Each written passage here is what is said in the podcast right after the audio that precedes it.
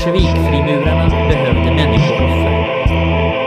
The actual order of the Illuminati, Adam Weishaupt and all of his uh, evil uh, philosophers.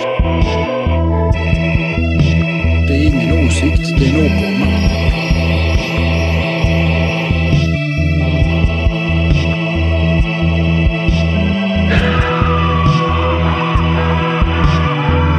Då är vi tillbaka då eh, med nya tag efter eh, vår fy- fyrdelade Atlantisresa. Ner i helvetet. Ja, härligt att vara tillbaks. Ja, jo men det, det här, nu vänder vi blad Nu vänder som vi blad. kungen sa. Eh, jaha, vad har du gjort sen senast? Har du läst något spännande till exempel? Eh, ja, kul att du frågar. Jo, ja, jag har läst två tegelstenar om Sigmund Freud, om hur dum han var typ. Jaha, Två, två böcker på 700 sidor vardera typ. jaha. det, var, det var inte illa. Eh, nej, ja, men det var... Nej, men det var, väl, det var väldigt rolig läsning faktiskt. Det var, den ena var ny och den andra var väl minst 25 år gammal. Okej. Lärde du dig något kul?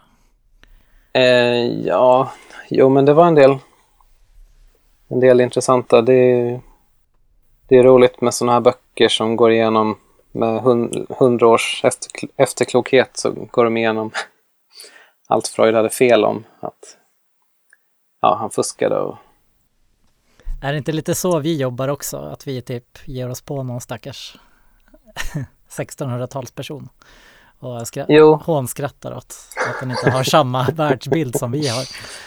Jo, att han, personen är problematisk. Dåliga värderingar. Ja, jag nu- jag lyssnade lite på något gammalt avsnitt och kände att jag måste bli lite mer ödmjuk kanske. T- t- Tänk om de bara har ett helt annat sätt att tänka som inte jag kan förstå. Ska inte jag Jo. gå och anklaga dem för att vara idioter för det? Nej, fast det kan ju vara att de är, är idioter också. Och att man kan se det 400 år senare. Det är ganska lätt att se. Var det som med Freud? Eh, I alla fall enligt de här två böckerna som jag har läst. Men det finns ju olika åsikter där såklart. Men eh, det var, det var väldigt rolig läsning. Den senaste hette senaste jag läste hette Why Freud Was Wrong av eh, Richard Webster. Och den innan hette Freud The Making of an Illusion av någon som heter Cruz.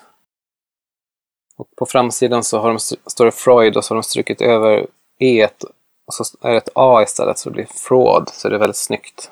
Väldigt subtilt. Nej men det var väldigt intressant läsning. Men eh, nu kommer jag inte ihåg så mycket eftersom jag är dement. Ja, är synd. Men det, det jag tog med mig mest var väl att jag läste att Freud spionerade på sin tvåårige son för att se om han fick bånge. För det skulle bekräfta hans teorier om barnets sexualitet. Och nej. Eh, My, det var mycket sånt. Men eh, jätteroligt att du tar upp Freud för eh, jag kommer faktiskt in lite på Freud i eh, dagens avsnitt. Mhm. Ja, spännande. Vad, vad, kommer det, vad kommer idag då? Idag kommer det handla om eh, allt från mystiska mord i Weimarrepublikens Tyskland till svartkonstböcker och grimoarer Mhm. och eh, de, gamla, de gamla egypternas hemliga magi som vanligt. Eh, Ja, du letar fortfarande. alternativa ockulta psykologiska teorier om sinnessjukdomens ursprung. Mhm. Ja, ja, det låter jättespännande. Ja, men eh, säg till, säg till när du är redo då. så, så börjar jag bara. Ja, men du, du har inte hunnit läsa något senaste tiden förstår jag. Du har bara läst Nej, alltså jag, jag har varit helt otroligt, alltså det har varit så jäkla spännande. Jag har bara så djupdykt i magiska världen. Alltså både det magiska communityt idag och eh, förr då. alltså redan Mm. från de gamla Egypterna till nutid kan man säga. Och eh, i och med det här då undersökt väldigt mycket olika myter om eh, svartkonstböcker och andra magiska böcker. Grimoarer och sånt där. Så ja, det är, väl, det är väl just de här böckerna som är temat, men så kommer det ju såklart handla om mycket runt omkring också. Ja, det låter som en spännande resa.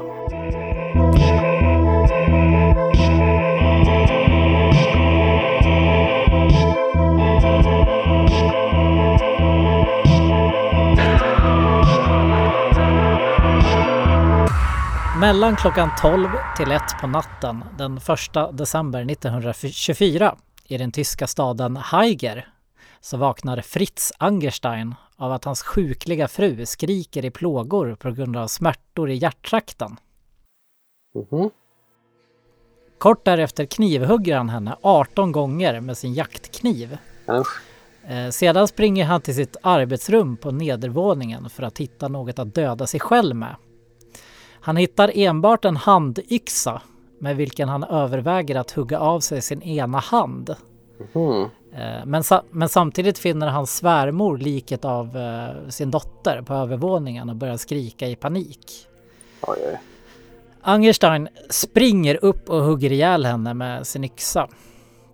Och när han utfört det här hemska dådet så märker han att familjens hembiträde bevittnat allting. Och jagar henne upp till vinden där han slår henne i huvudet med handyxans skaft. Han går sedan tillbaka till hustruns sovrum och börjar hugga maniskt i hustrun och moderns kroppar. Då han är rädd för att liken ska stiga upp igen. Eh, sen går han konstigt nog och tvättar sig och sover några timmar. Eh, Okej. Dagen efter kommer hans 18-åriga svägerska hem från en tågresa och går in i ett av husets badrum på övervåningen utan att märka de döda kropparna och blodet. Angerstein följer efter henne och dödar också henne med yxan. Sedan täcker han över kroppen för att han som eh, han sagt senare då inte kunde stå ut med att bevittna liket. Sen kommer också en bokhållare och en kontorist till villan för att arbeta där. Mhm. Eh, Angerstein kallar, kallar dem en och en in till sitt arbetsrum där han också dödar dem med yxan. Eh, under resten av dagen så dödar han också trädgårdsmästarens son och en annan man som arbetar med honom då han får för sig att de har sett de andra döda kropparna. Och senare ska man också ha funnit hans hund inlåst i källaren med krossad skalle. Nu får det väl, nu måste det räcka. Nej, nej. Uh, Angerstein häller bensin över golven i huset. Sen åker han in till stan och köper två chokladkakor till, eh, som man säger, sin kära fru. Och en ficklampa. Mhm. Eh, efter solnedgången försöker han tända eld på huset. Eh, men elden tar sig inte. Då knivhugger han sig själv flera gånger och orsakar svåra men inte livshotande skador.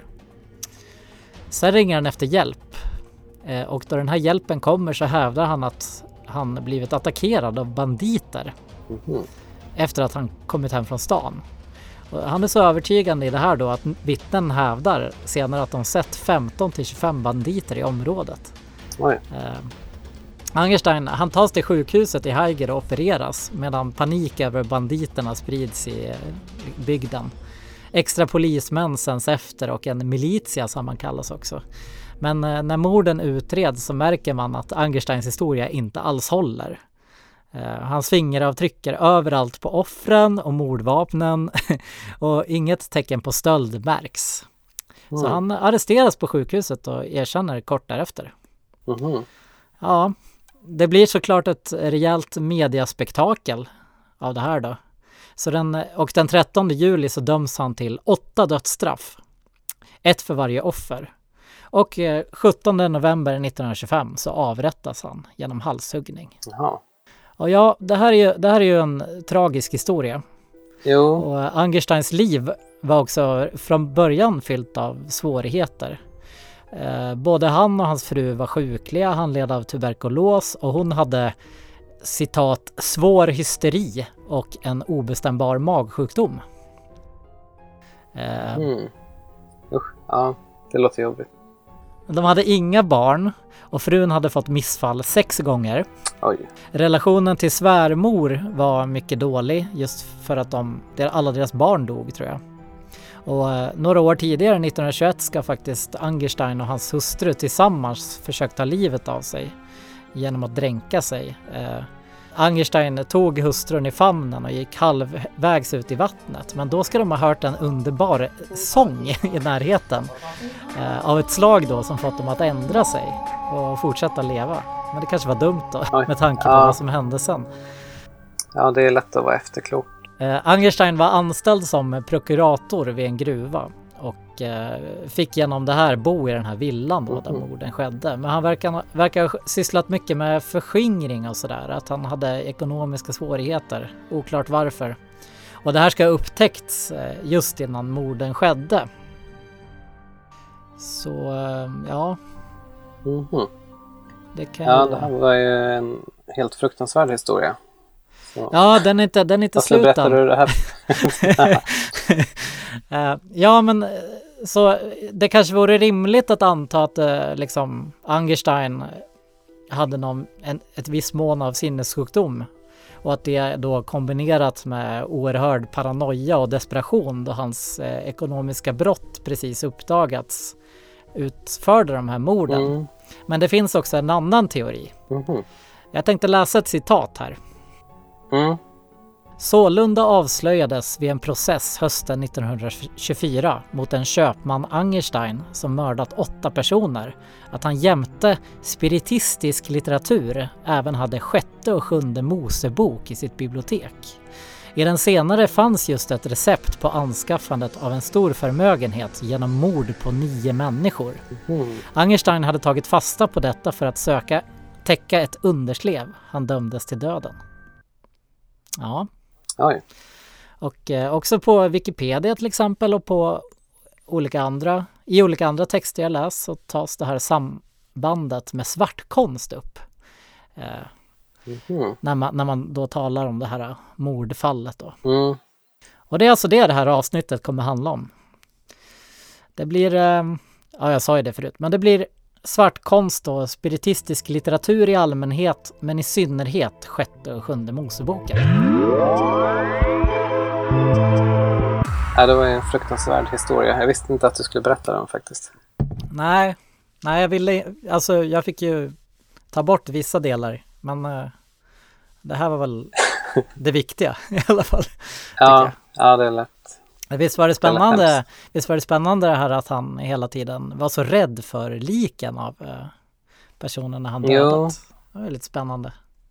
Känns ju väldigt så här svartkonst, skräckfilm. Jo, verkligen. Men, eh, men han lyckades alltså inte vad- vad man vet då. Med trollformen. Han blev ju avrättad så jag vet inte vad som hände. Och jag vet inte heller vad som hände med böckerna han hade hemma men ja, vi kommer faktiskt till det. Vad som Mm. händer med sådana här böcker. Men ja, eh, jag tänkte i alla fall börja med att ta upp min eh, främsta källa till det här avsnittet som faktiskt du har tipsat mig om. Jaha. Det är den här eh, från silverfisken i Skaga till träguden i Silbojokk Eh, just det. av eh, Karl Martin Edsman. Kommer du ihåg den? Jo, det var någon sam, samling av artiklar, eller hur var det? Ja, det är en eh, samling av uppsatser i folkloristiska studier från mitten av 1900-talet som är skriven av den här eh, Karl Martin Edsman som är präst och professor i religionshistoria vid Uppsala universitet. Mhm. Så vi kanske båda stött på honom faktiskt för att han dog först 2010. Så han, han har säkert Mhm. hasat runt där på Carolina Rediviva. Ja, samtidigt som oss kanske. ja, precis. Kan jag hoppas. Ehm, Ja, Ja, men, ja, Mhm. men, men den här boken innehåller allt möjligt. Eh, Det är ju ganska mycket så här tråkig folktro. Du vet eh, att man måste eh, röka koa med gnedeld. Med fjölespjära. ja just det. Jo, Så, inte, det, så inte mjölken ska surna och sådär. Nej, man ska röka ordentligt. Det, Ja. det vet väl alla nu för tiden. Men... Ja, precis. Ett långt avsnitt om nödeld och gnedeld.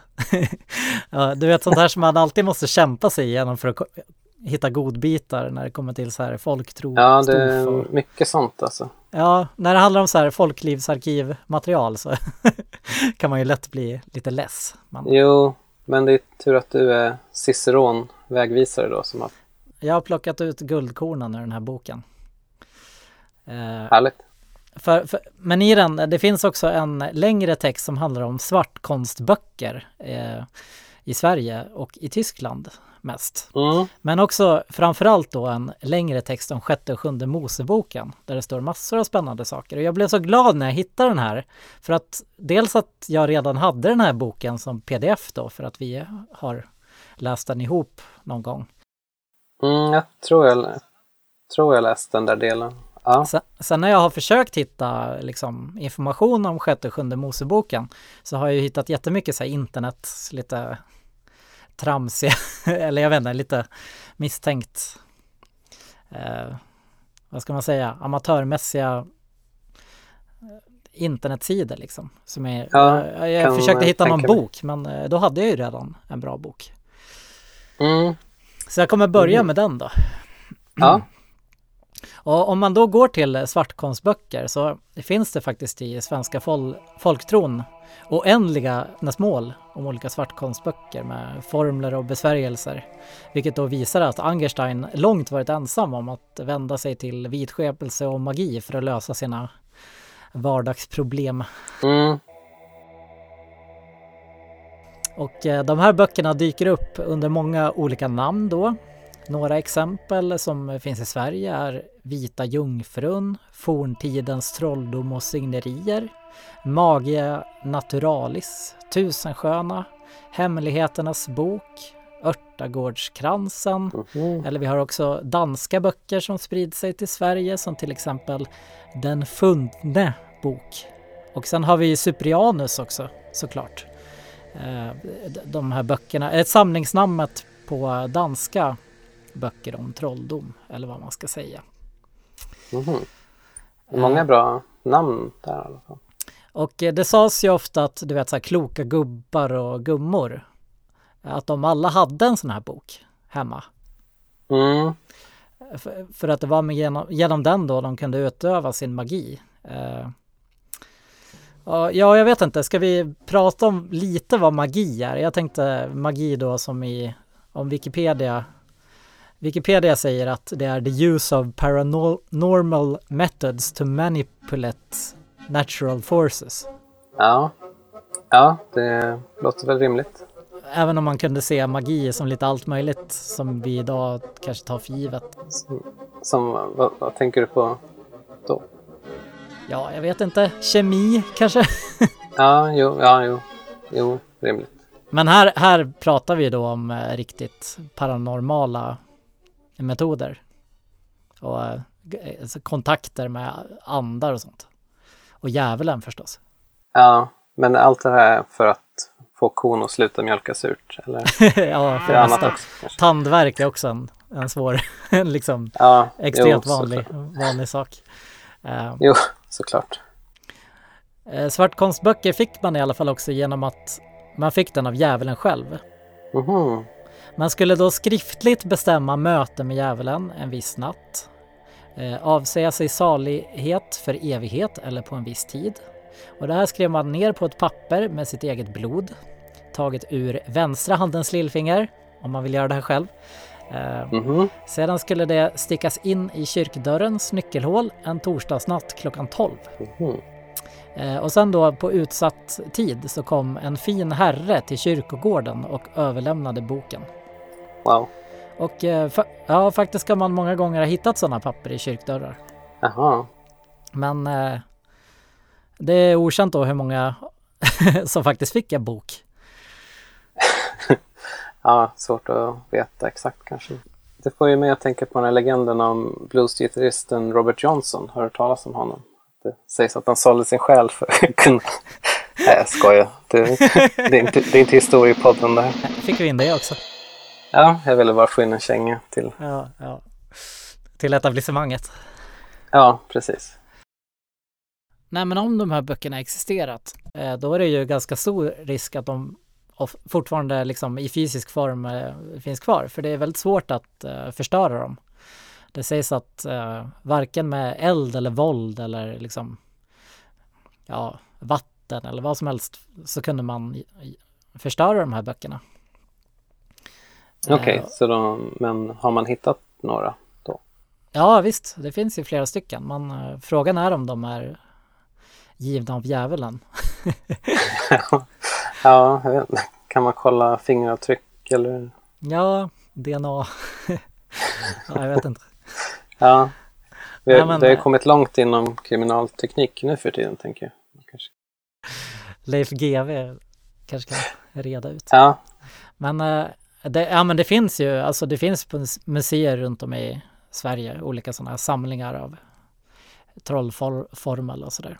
Eh, Ja, jag för mig läst, jag kommer inte ihåg om det var i den här boken som du hade läst nu. Var det där det stod att Linné, Carl von Linné hade varit och läst en samling, eh, han hade varit på resa och stannat vid någon hovrätt och läst någon sån här samling. ja, just det, precis. Mer om det i vårt kommande Linné-avsnitt kanske. Ja, kanske det. Ja, när vi drar ner by- byxorna på Linné. Äntligen. Det, var, det är på tiden.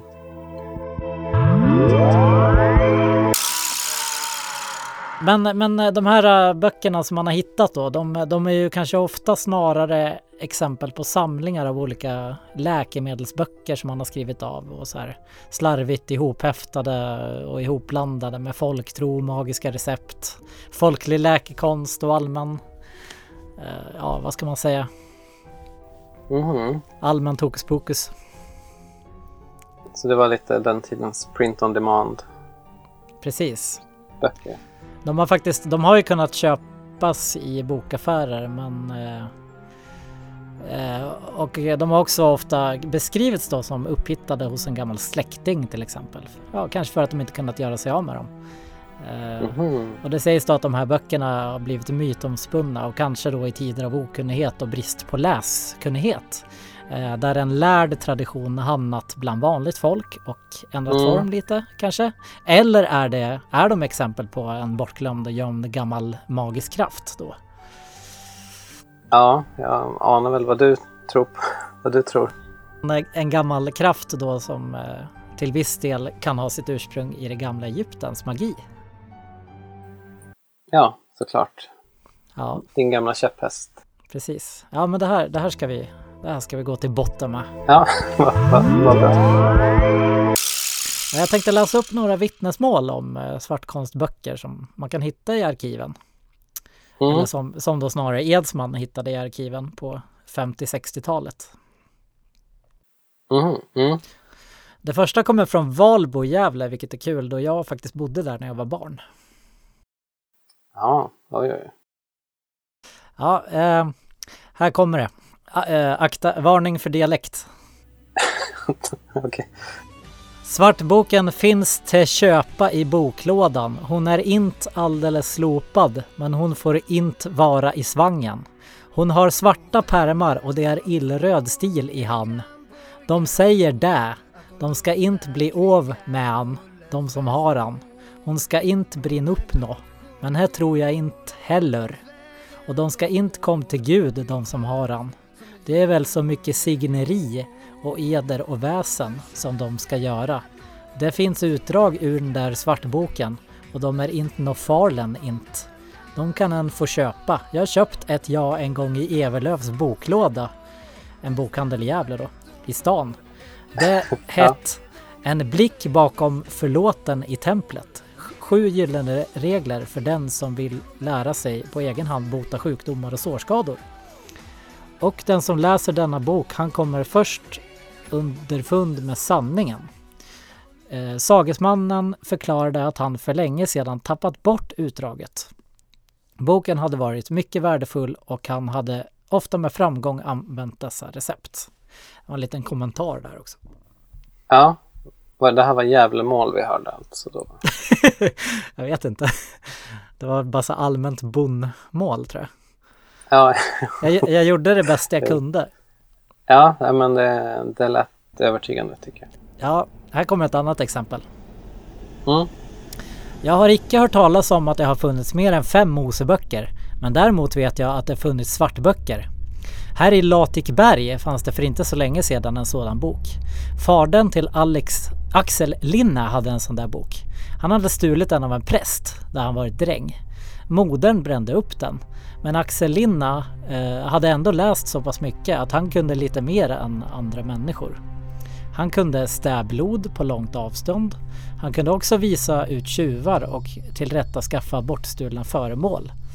Och allt hade han läst ur Svartboken. En gubbe här i byn som nu är död sade att det fanns en bok som hette Vita Jungfrun. Men den boken var inte lätt att få tag på. Den som kunde få tag på den, han skulle kunna behärska andarna. Ja, Mm. kommer lite mer här. I Hemligkammaren i Stockholm finns det många böcker. Den som hade kunnat komma dit och läsa alla böcker som där finns, han skulle nog ha blivit förvis på alla sätt. I, Hemligkammaren. Ja, pre- precis. I Hemligkammaren fanns särskilt en bok som var mycket värdefull, nämligen rullboken som rullades upp på en käpp. Men det är ingen människa som får komma till Hemligkammaren. Det här var häftigt va? Ja, förlåt. Jag kom att tänka på dasspapperrulle, stora dassboken. Jaha, ja ja. Mm. Ja just det. Det här var en annan sorts rulle. Det här var, kan ju ha varit en Tora-rulle kanske. En, eh, det kanske Ja, kan vara lite kabbala och sånt inblandat. men vilket spännande namn på, vad var det, Hemligkammaren? Hemligkammaren ja, det har jag faktiskt aldrig hört talas om. Eh, tror du den finns kvar? Ja, hemligkammaren.se kanske? Nej, jag vet inte. Det lät väldigt spännande. Jag ska hålla utkik efter Hemligkammaren. Det är fantastiskt eh, spännande faktiskt. Ja. Ja, Jag bor ju i Stockholm, men ja, får hålla utkik. Ja. Ja, men sen ska det också då ha funnits en utbredd tro att de här böckerna ofta fanns i kloster och kyrkor, kanske då gömda av munkar eller av präster. Mhm. Ett vittne talar om en liten häftad handskriven bok som hette Ur benediktinermunkdoktorns bok. Och den här svartkonst eller, eller här då närmast eh, hushållsboken med kurer och recept av både magisk och icke-magisk art har då knutits till ett kloster i Norberg. Ska omnämnas i Nordisk familjebok faktiskt. Mhm. Sen har vi också den danske då, den funne bok som är skriven av en klosterbroder tryckt 1869 och 1909. Eh, Men eh, ja, Mm. men det här kan ju också bero på att det var munkar som på den här tiden hade böcker och kunde läsa dem. Kanske. Ja, jo, det, jo, precis. Men eh, varför skulle det varit just präster och munk? Ja, varför skulle de ha sån här sjuk skit? Ja, men jag tänker att de kanske gömde dem så att inte de skulle hamna i fel händer. Att de har hållit koll på farliga magiska böcker. Ja, just, ja jo, ja, det är i och för sig. Det är väl Som logiskt. i, som i Rosens namn, typ Umberto Eco. Precis. Eh, ja, man, eh, i Sverige talade man också ofta om att de här böckerna kom från Tyskland. Du kanske har hört talas om Wittenbergskolan? Eh, ja, det är någon magisk skola, eller? Ja, det. precis. Det är en väldigt mytisk svartkonstskola som sägs ha legat i Wittenberg. Ja. Mhm. Så eh, du får se upp om du eh, till jobbet får ett CV där en examen från Wittenberg står med. För då Ja, kan då jo, den sökande vara bevandrad i svartkonst. ja, jo, det Jo, man har ju fått sålla bort en del Ja. ansökningar när man ser, ser det där. Wittenberg. ja, det sägs också att svenska präster har studerat svartkonst där och då för att lära sig driva ut demoner till exempel. Mhm.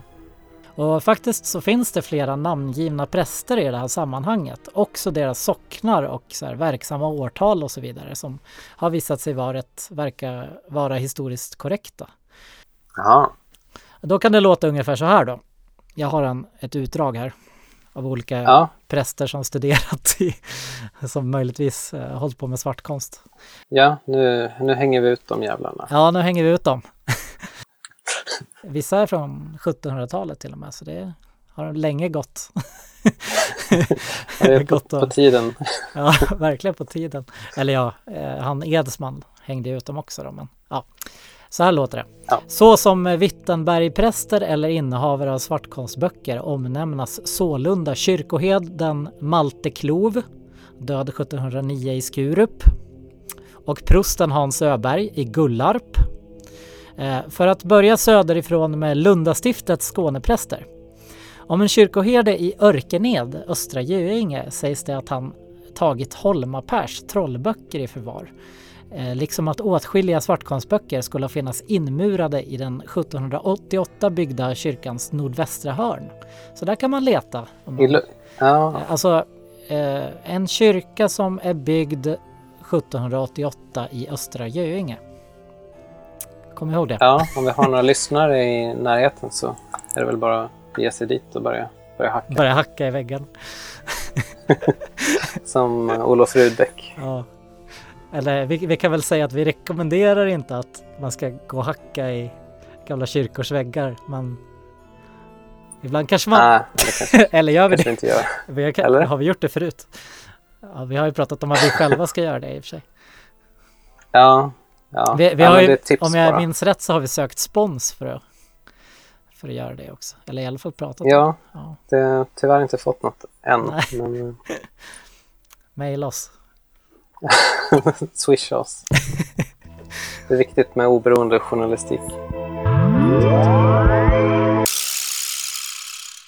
Ja, om man går vidare då så i Blekinge berättas det eh, om Lundaprofessorn och prosten i Jämshög, Peter Estenberg, Mm. dog 1740. Att han ägt en svartkonstbok då. Sen är det en annan sentida ämbetsbroder som 1829 till 1831 tjänstgjorde som vicepastor i samma saken. G.S. Gam. Bra namn. Ja, hans, det sägs då att han miste sin skugga i den svarta skolan. Ja, Det var, Okej. det var ju då vanligt då att Eh. om man studerade i Wittenberg så kunde man förlora sin skugga. Så det är också något att hålla, Mm. hålla utkik efter. ja. Svårt att kontrollera så här i efterhand, men han var förmodligen skyldig. Vad är det tänkt att vi ska göra med den här listan? Är det att vi hoppas att någon ska gräva upp deras lik och bränna upp dem, eller Ja. är det bara... Jag tänker att man kan eh, kontakta arvingar för att då kanske det finns eh, svartkonstböcker i deras ägo. Ja, det kan man också göra. Eller gömda i eh, liksom församlingarna där de arbetar. Det, där de arbetade. Ja. Jo, det finns... Ja, huvudsaken är att man gör någonting, att det inte får fortsätta där. Huvudsaken här i livet är att ha riktning. Ja, ja In, inte, inte älta det förgångna. ja, det är så sant. åk, åk. Eller är det inte det vi gör? Jo. ja, jo. Fast vi, vi, vi gräver väl i det förgångna för att ta oss framåt. Mm, ja, det är sant. Uh, jo. Ja, men eh, fortsätt, fortsätt hänga ut de här asen. Jo, men nu ska jag faktiskt hänga ut lite andra magiska läroanstalter runt om i Europa. Mhm. De här har man fått reda på genom någon som heter A. Jacobi.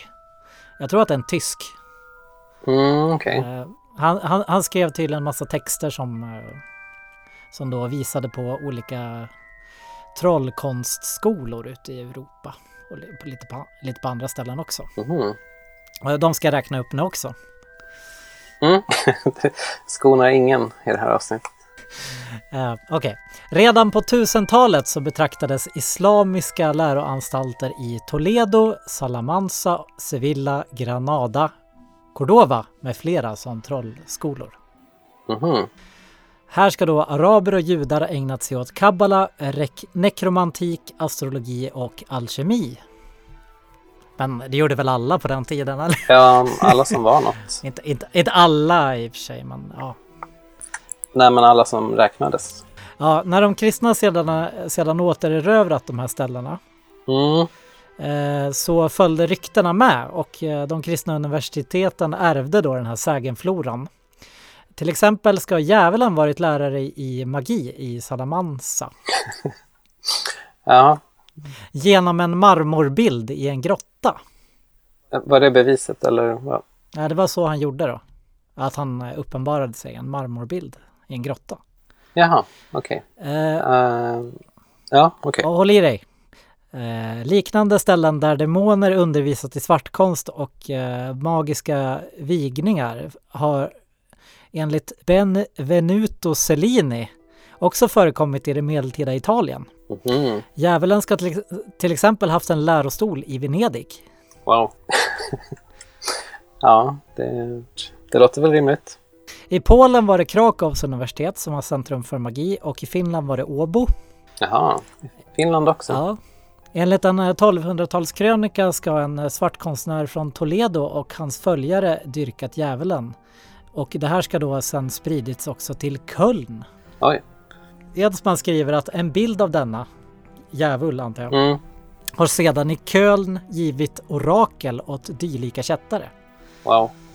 Det kanske var som den här marmorbilden i eh, Salamanca då. Ja, jo, eh, förmodligen.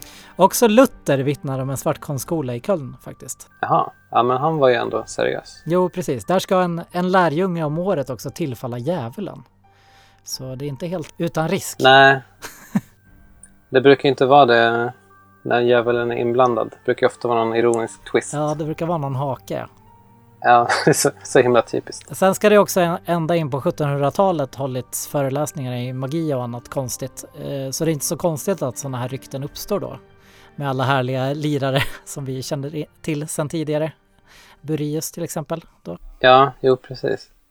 Tänker bara med demoner som lärare. Men jag tänker att det är typ att det bara är samma sak. Att det bara är massa personintriger och bråk. Och, fast mellan demoner istället. Men, Jo. Men, men som vi sa, eller som vi var inne på lite tidigare då, att naturvetenskap har jag läst att det på många sätt kan sägas ha sprungit ur okult kunskap och att alkemi och kemi kan liksom legat nära och sådär till en början. Och då kan det, det uppfattas som magi.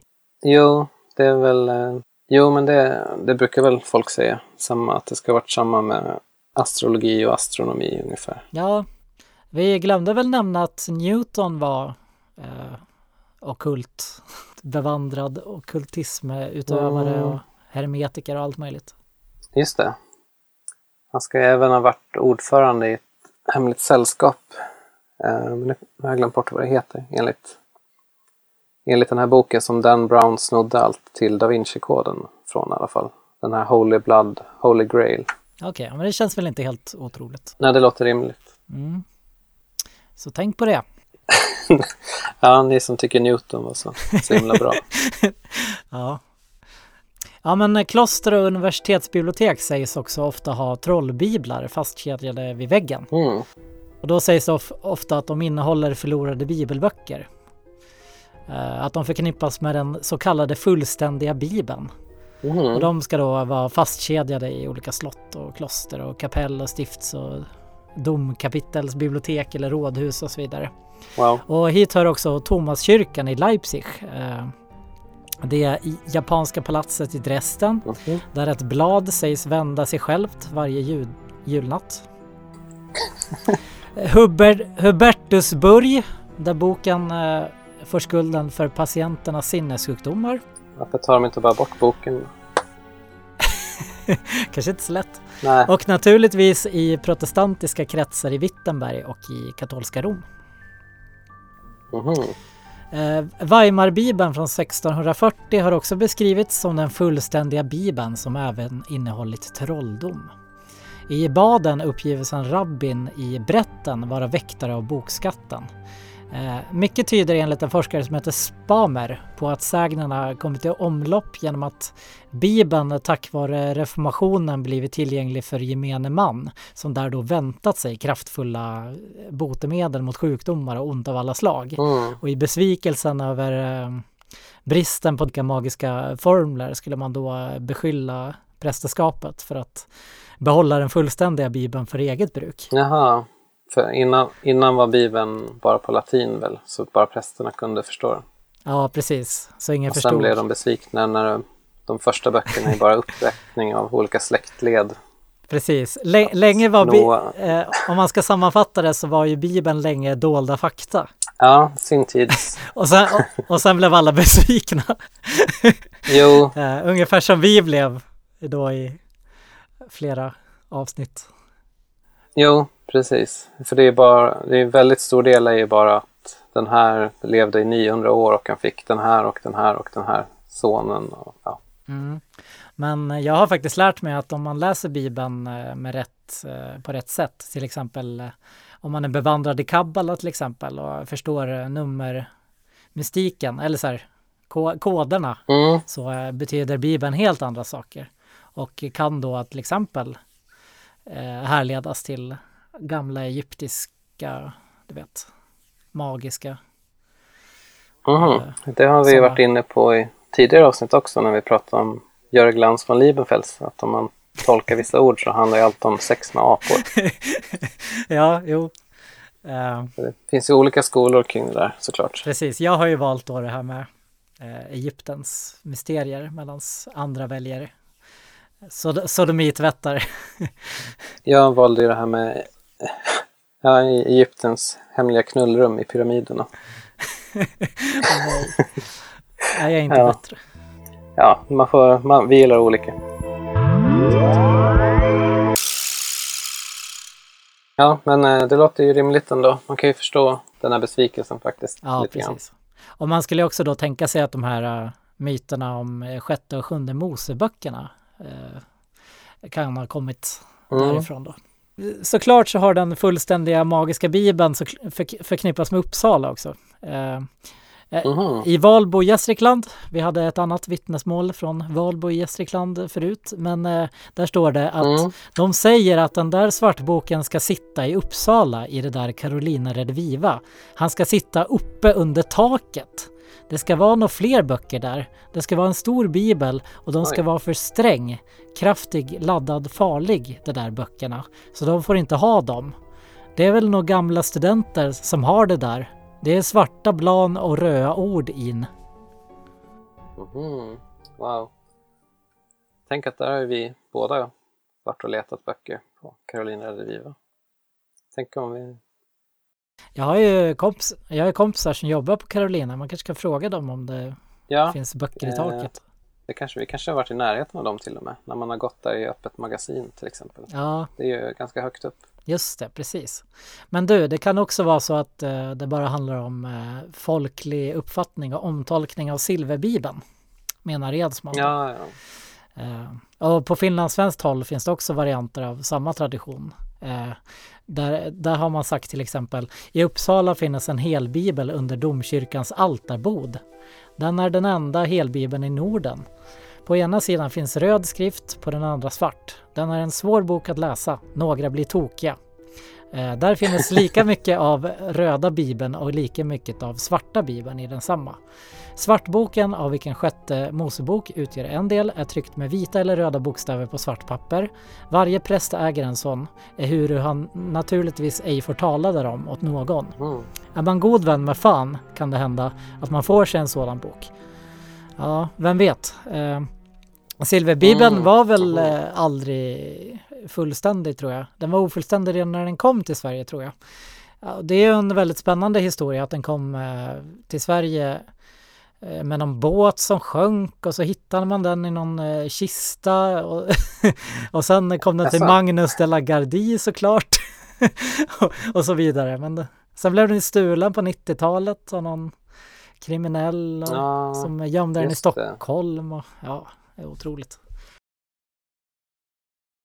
Mm. Men hur är det med djävulsbibeln då? Ja, vad roligt på- att du nämner det, för det är just det som jag ska prata om nu. Eh, Mm. Så på 1860 och 70-talet gick många historier om eh, djävulsbibeln som svenskarna någon gång tagit i eh, ett främmande lands kloster. Och den sades innehålla svartkonster och sånt som Moses lärt sig av de egyptiska trollkarlarna. Och det sades Ja. att det gått 180 åsnehudar för att göra den och att den förvarades i Växjö domkyrka fastnaglad vid golvet med grova kättingar i kors över boken med lås och att den aldrig får öppnas av någon. Eh, när någon frågat kyrkovaktmästaren om den i Växjö då ska han ha sagt att den nu är i Riksbiblioteket i Stockholm och innehåller hela sjätte Moseboken. Ja. Oj. Och det här rör sig då förstås om Djävulsbibeln eh, som är tryckt på 160 åsnehudar faktiskt. Eh, som eh, Mm. mig veterligen inte innehåller svartkonst men eh, du kanske vet mer om det för du har väl varit på någon föreläsning om Djävulsbibeln nyligen? Eh, jo, jag, jo, jag var faktiskt på en föreläsning på Kungliga biblioteket där de pratade lite om den. Men ja, vad var det den innehöll? Det, jo, men det var ju Bibeln. Men inte någon sån här mystisk svarta Bibeln. Men den ska ha innehållit en del texter om läkekonst faktiskt. Okej, ja men Som då så. också var, som också var med i Men, den här volymen. men det var inget att man skulle tala med andar och demoner och änglar, eller? Eh, nej, det sa de inte på den här föreläsningen i så fall. I alla fall. Det kanske de bara väljer att inte ta upp. Ja, det är svårt att veta. Man, man fick ju inte bläddra i den.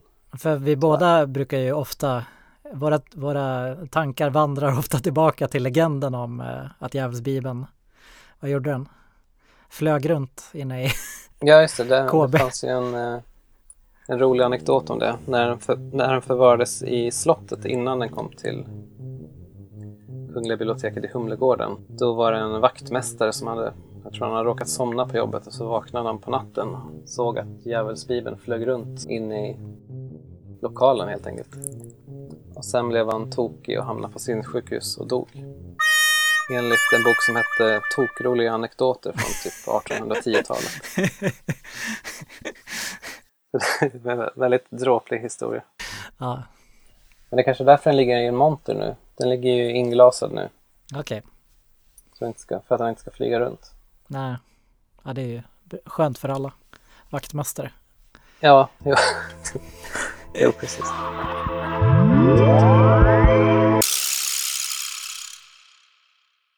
Men ja, när Edsman går igenom alla svartkonstböcker så kan han eh, snabbt avfärda många som resultat av feltolkningar eller överdrifter och sådär.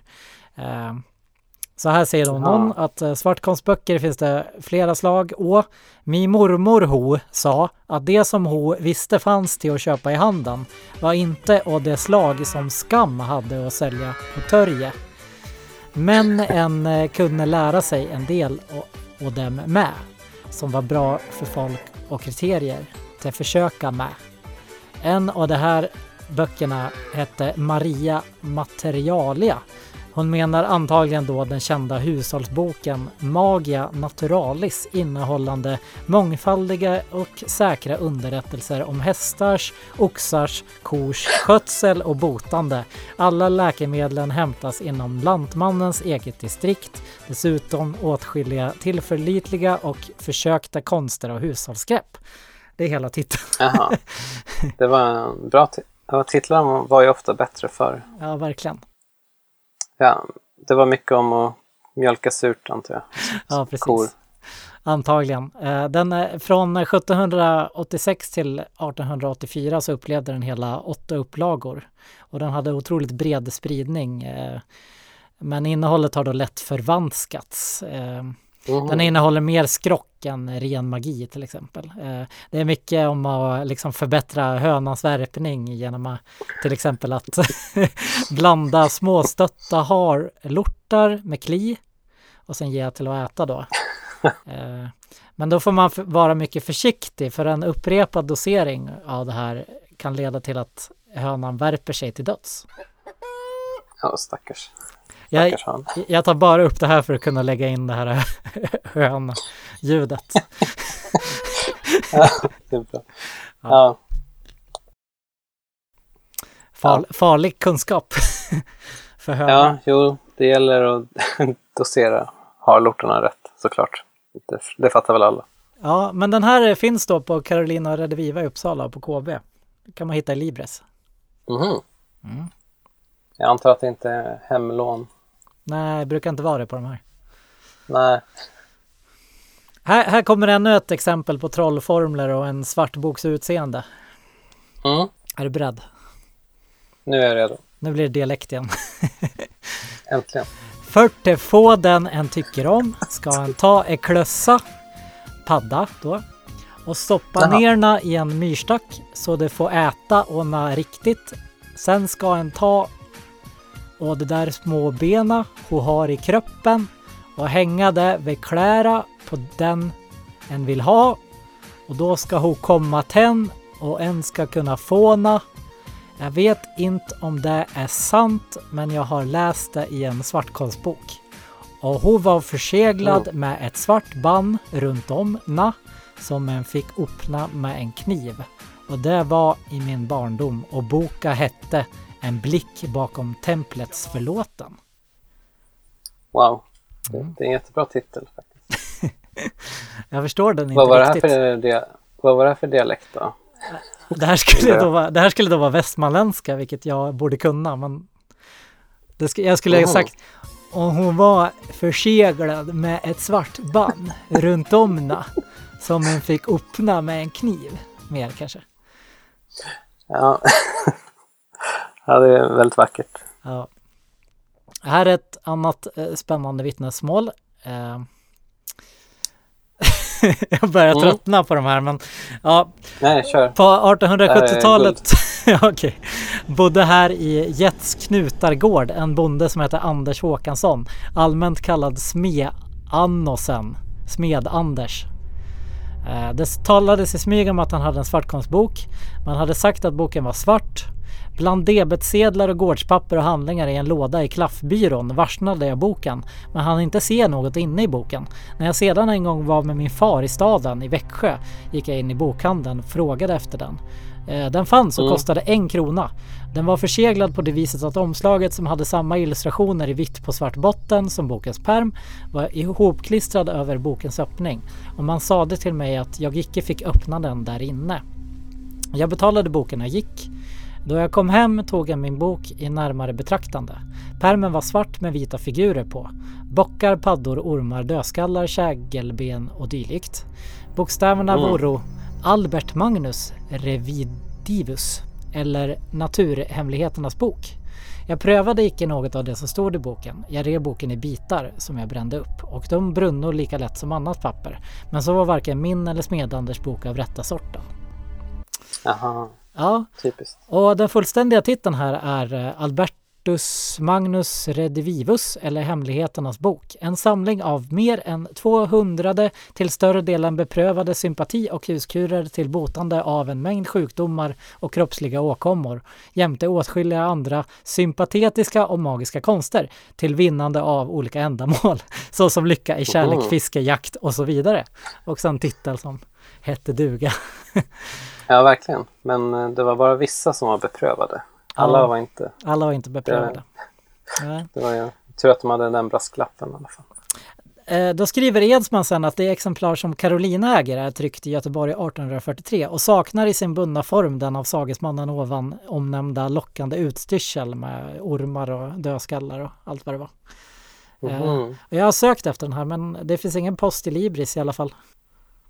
Nej, kanske får kolla djupt ner i någon kortkatalog för att Ja, säkert. hitta den där. Ja. Eh, Den icke angivna utgivaren är GF Most. Eh, Lite fakta man kan skryta med. Mm. bra, bra att veta. Ja. Sen, eh, dess är den då flera gånger omtryckt. En dansk upplaga är känd från samma år och en tysk i hela fyra delar från 1821. Mhm. Och Albertus Magnus ska ha sin grund i en lång och komplicerad traditionshistoria i tyska Hausväter-litteraturen.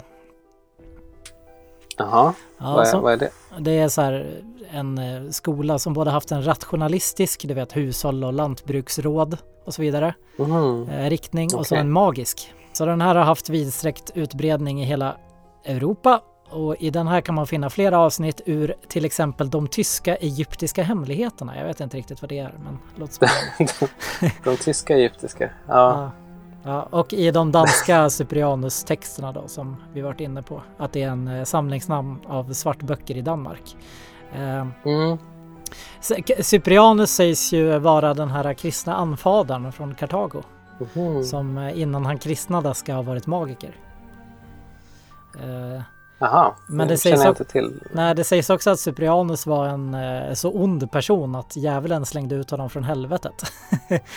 och eh, liksom, det, Cyprianus ska också ha varit en vacker mexikansk nunna tydligen. Så det, de, det här Också. Jaha, det är man. mångbottnad person. Verkligen. Ja, ja, men det är tydligt då att den här Hausväter-traditionen hamnat i Sverige. Eh, och att det finns flera likheter här i böckerna som kommer från Tyskland då. Till exempel det här med grodskelettet som jag tog upp förut. Mm. Och även många recept på fallande sort, vårtor och tandvärk och så vidare. Eh, det kan ju Mm. vara så att de oberoende av varandra uppkommit, men eh, ja. Det, det sägs att det är mycket tyskt inflytande. Ja, okej. Mm. Just tandvärk är extremt vanligt förekommande problem. Jo, ja, kan- jo, det- det kan man ju förstå. Jag kommer ihåg eh, den här boken som heter Tre svartkonstböcker. Eh, Sven B Ek gav ut den. Det handlar om eh, Eslövs originalet Bengt Ahlström som sysslade med trolldom dom och vars böcker beskrivs i en pdf som jag tror att du också hittade faktiskt. På Eslövs Mm, hemsida. Vi kan länka till den Nej. på Tumblr. Ja, det kommer jag tyvärr inte ihåg. Ja, det, är, så- det är så kul för det är så här eslov.se, alltså kommunens sida och är det den här svartkonstböckerna då på pdf där. Det är roligt. Jaha, wow. Mm. Det, det är det jag vill att mina skattepengar ska gå till. faktiskt. Eh, Ja, men vill man veta mer om den här komplicerade traditionshistorien så kan man läsa W.E. Peukert, Die Egyptischen Geheimnisse från 1954. Men den är ju såklart på tyska och jättesvår att få tag på. men jag tänker att det här Ja. kanske är en bok vi kan återutge när vi startar eh, ett hemligt bokförlag. Ja, De pratar, de pratar nämligen ibland om hem, så kallade hemliga bokförlag i de här eh, folklivsarkiven Jaha, som ger ut sådana här Wow. spännande böcker. Så då kan vi då ge ut det, Die Egyptischen Geheimnisse tillsammans med Lebenfels och eh, ja, jag vet inte, Ja, allt möjligt. eh, ja absolut. Det, om vi bara får spons någon gång kan vi göra det här. Precis. Ja, jag måste bara ta upp det här roliga som jag hörde i podcasten The Bowery Boys. Då sa de, eh, apropå egyptierna då, att eh, de var ju Mhm. så bevandrade i magi. Och eh, därför Mm. så började man kalla romer för gypsies. För att det är Aha. Egyptians, men förkortat, gypsies. Jaha, Värt att ta upp tycker jag. ja. Det, vis- det visste jag inte. Edsman, han sammanfattar då den här skolan av böcker med att den lärda illviljan och folksägnen har emellertid tidigt gjort medeltidens doktor universalis till en trollkar och i anslutning härtill har man tillskrivit honom en rad alkemistiska och magiska skrifter med vilkas tillkomst han i själva verket icke har något att göra. Mhm. Ja. Och så kan man ju tycka. Men det kan ju också vara så då att Mm. Att, att det på riktigt fanns magi. Alltså folk som var kunniga i magi. Eh, ja. Det... ja, jag vet fan. Ja, tyvärr blev vi tvungna att avbryta där. Så frågan om magi verkligen existerar och i så fall i vilka former och vad det här lett till, det fortsätter vi att reda ut i nästa avsnitt. Eh, då kommer vi även gå in ännu mer på just sjätte och sjunde Moseboken. Sedan kommer jag eh, också läsa upp en äkta trollformel och möjligtvis då orsaka att jag själv och mina efterföljande i flera led blir drabbade av sinnessjukdom. Så missa inte detta. Ha det bra!